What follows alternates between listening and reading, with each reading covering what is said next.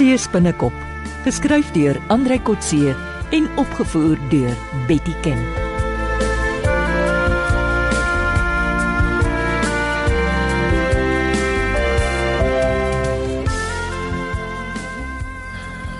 Ek is baie trots op wat ons reeds het. Nou, En ja. ja, ek ben reg. Ja, ehm um, goed mense. Uh, uh, kom ons kyk bietjie na die nuwe feite in ons ondersoek na die stropery. Wat het ons nuut bygeleer? Wel, ons weet nou die Tarantula het die perlemoen wat hulle die dag gestroop het naby die drie branders oorboord gegooi. En dit nadat hulle 'n drywende boei aan die sakke vasgemaak het. Dis net 'n leë koeldrankbottel. Hoekom hom Johan? Ek dink sodat iemand dit later kan sien en weer die perlemoen kan uithaal. En weer daarvandaan kan vervoer, waarskynlik in die nag as niemand hulle sien nie. Hoe hulle die bottel in die nag gaan sien, weet ek. nie. Uh, ja, hoe hulle die vrag met padvervoer uit 'n reservaat uitkry, bly ook 'n raaisel. Die vrag word dalk deur 'n ander boot diepsee toegeneem. Ja, ons gaan een ding op 'n slag uitvind. Eerste. Wat word van die vrag perlemoen wat onder in die see lê? En dit kan ons môre aand uitvind. Ons kan vanaf Suiderstrand deur die voetgangerrek na die uitkykpunt draf of stap en waarneem. Net nie draf nie, want ek wil ook saamgaan. Ja, ja, ons kan almal saamgaan. Ons stap vroeg voor donker en wag vir die stroopers. Dankie tog. Net nie weer swaar teleskope nie. Johan, kan ek net eers inswem om te kyk wat daar onder die see aangaan? Dis reg so. Jy kan hierdie keer die tou onder die boei afsny. Dan dryf die bottel weg en ons vertraag die koeriers wat die vrag kom oplaai. Netjies. Ons wil soveel moontlik van hulle sien en van hulle weet. Al wat ek weet, ek is nou doodmoeg. Ek sien julle môre middag. Hoe laat? Ag, kom ons maak dit 4 uur. Goed. Julle kan saam met my tot by die hek ry. Dit gaan 'n interessante dag wees.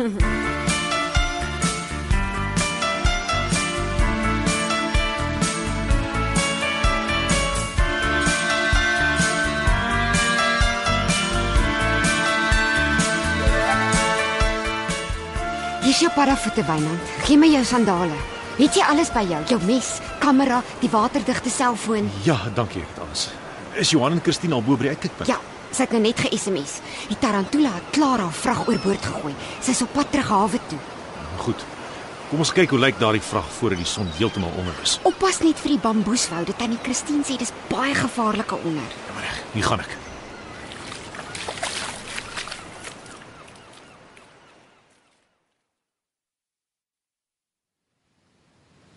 Kyk Johan, Wynand is al halfpad na die drie branders toe.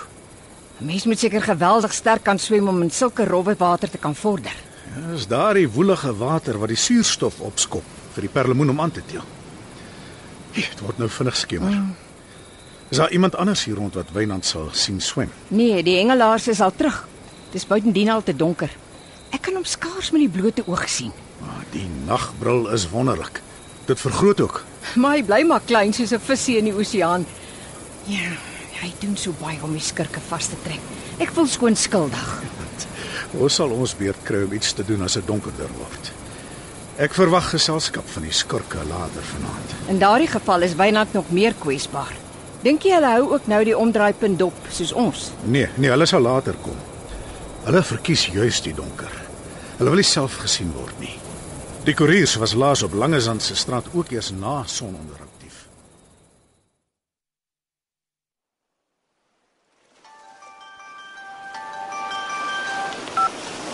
Hallo Wynand, is jy oukei? Okay? Ja. Die water is rof hier. Maar ek het dit gekry. Wat? Die boei. Dis 'n 2 liter koeldrankbottel, plastiek. Is dit vas aan die tou wat aan die perlemoensakke vasgebind is? Ja. Ja, maar hier is iets anders ook. Is 'n ding net onder die boei vasgemaak. Wat se ding? Dit is 'n elektroniese boei. O, oh, Ons het dit in die vloot ook gebruik. Dit is 'n klein radiosender en 'n rubberbal om dit waterdig te verseël. hoekom twee boeie? Die elektroniese boei stuur syne uit sodat dit weer gevind kan word. O, Maar ek gaan nou eers met die tou afduik tot by die perlemoen. Ek bel jou net nou weer.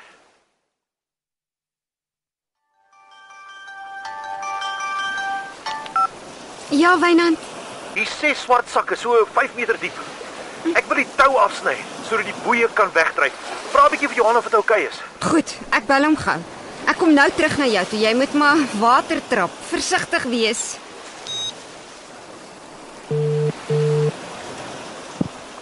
Ja, Ina.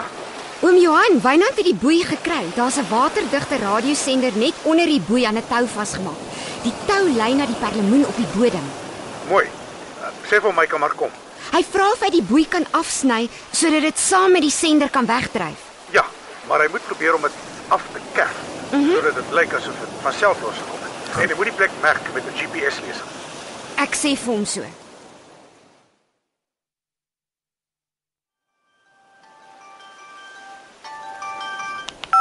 Hallo oom Johan.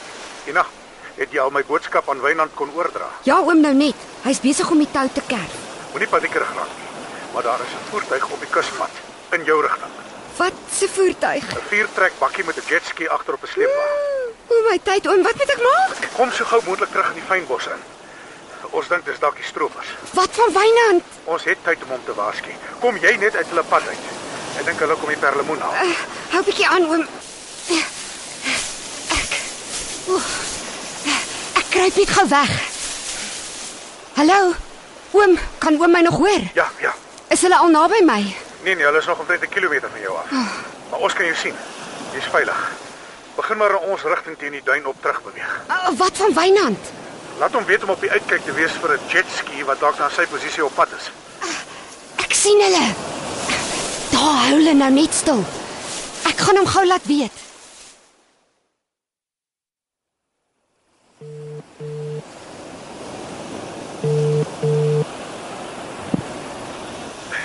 Ja, Ina. Isou is. Die stroopers is hier by die sandpaadjie. Twee van hulle. Hulle het 'n jetski agter op 'n bakkie. Ja. Ja, ek sien hulle nou. Is jy daar weg? Wel, ek is veilig. Daar's nog tyd vir jou om hulle te ontwyk. Hulle lyk nie haastig om die jetski af te laai nie. Hulle kom die perlemoen oplaai. Jy moet met 'n ompad uitswem. Goe. Dit gaan 'n tawe een wees. Ek's maar klaar lekker moeg.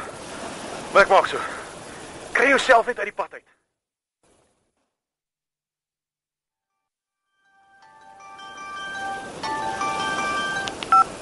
Hallo Tannie. Ina, luister mooi. Kom so gou moontlik hier na ons toe, bo op die duin. Kom weg van daai skurke af. Hulle is gevaarlik. Nee Tannie, ek bly hier om vir Wynand te help. Hy's hy's 'n sitting duck in die water. Dit donker. Niemand kan hom met die blote oog sien.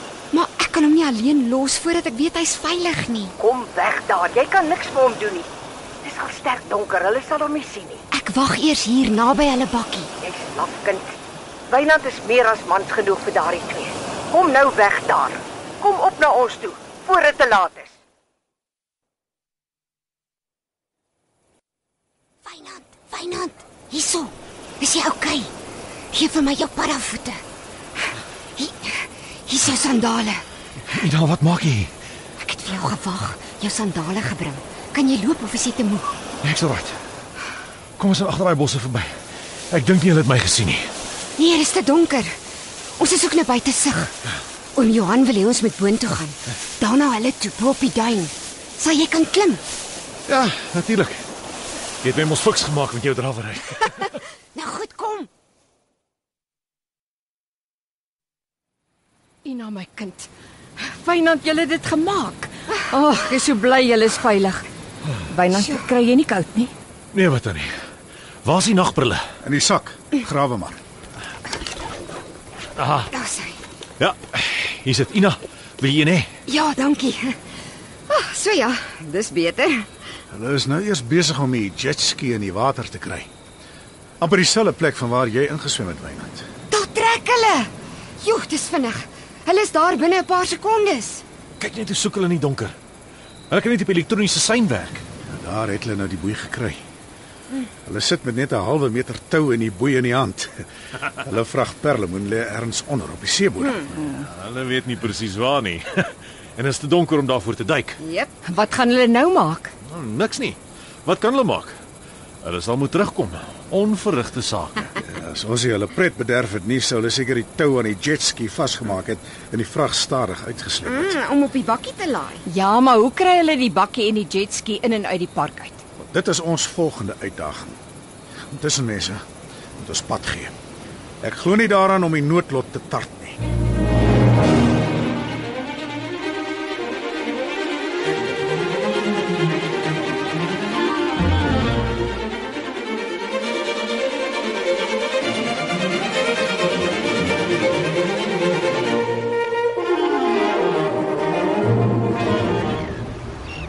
Hallo Bobby, hoe's dinge?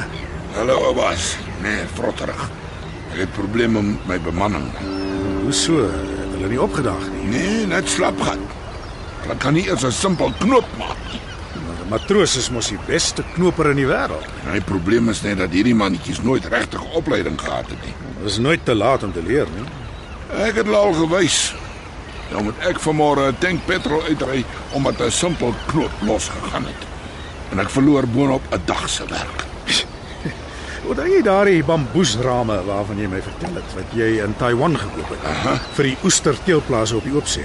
Ja, Nou, jy het destyds gesê die Taiwanese gebruik sommer plastiek binders.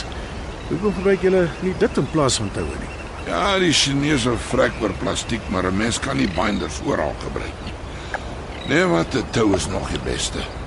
Die mannetjies moet net leer. Dis ja.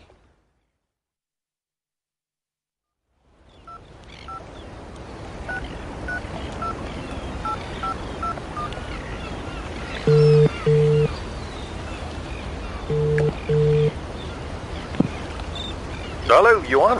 Ja, Wynand, waar's jy nou? Ek stap in my woonstel. Ek werk by die rekenaar. Luister, ek is hier by die hawe. Ek het pas met Bobby gepraat. Hy is die duiwel in omdat sy manne nie die boei behoorlik vasgemaak het nie.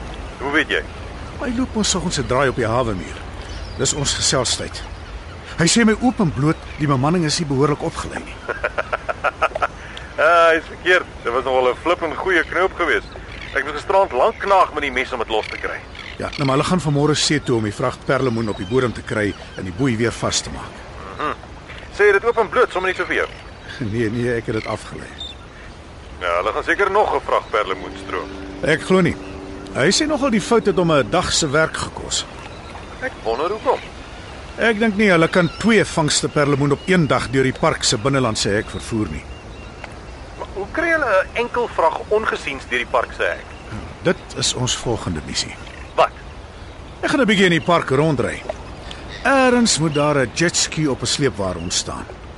En dit gaan ons iets sê oor die afvoer van die perlemoen. Baie nuttige inligting.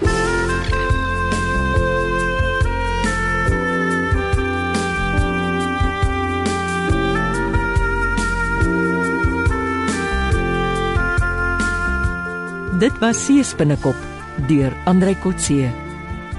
Die tegniese en akoestiese versorging is deur Henry en Karen Gravett. Die regisseur is Betty Kemp.